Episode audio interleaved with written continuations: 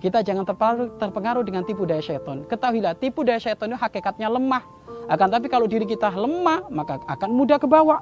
Maka kapan kita dihadapkan oleh Allah dalam urusan kemaksiatan, yang ini muaranya kepada setan, maka katakan a'udzubillahi minasyaitonirrajim. Aku berlindung kepada Allah dari godaan setan yang terkutuk.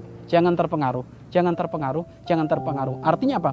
Biasakan menjaga semangat di dalam ibadah kepada Allah tanpa melanggar Allah Subhanahu wa taala. Karena melanggar ini tipu daya setan. Setan itu senantiasa membisikkan ke dalam ke dalam diri kita untuk melakukan program-program kemaksiatan. Hei, kamu yang suka maksiat, Hei, hei, hei, kamu yang suka ahli ibadah, kamu yang setiap hari rajin sholat, kamu setiap hari tahajudan, cobalah sesaat kamu maksiat, kamu kan sudah soleh, kamu kan sudah baik, nggak perlu kita ngikut-ngikut seperti itu. Akan tapi apabila muncul was-was tipu daya syaitan seperti itu, maka katakan minasyaitonirrajim.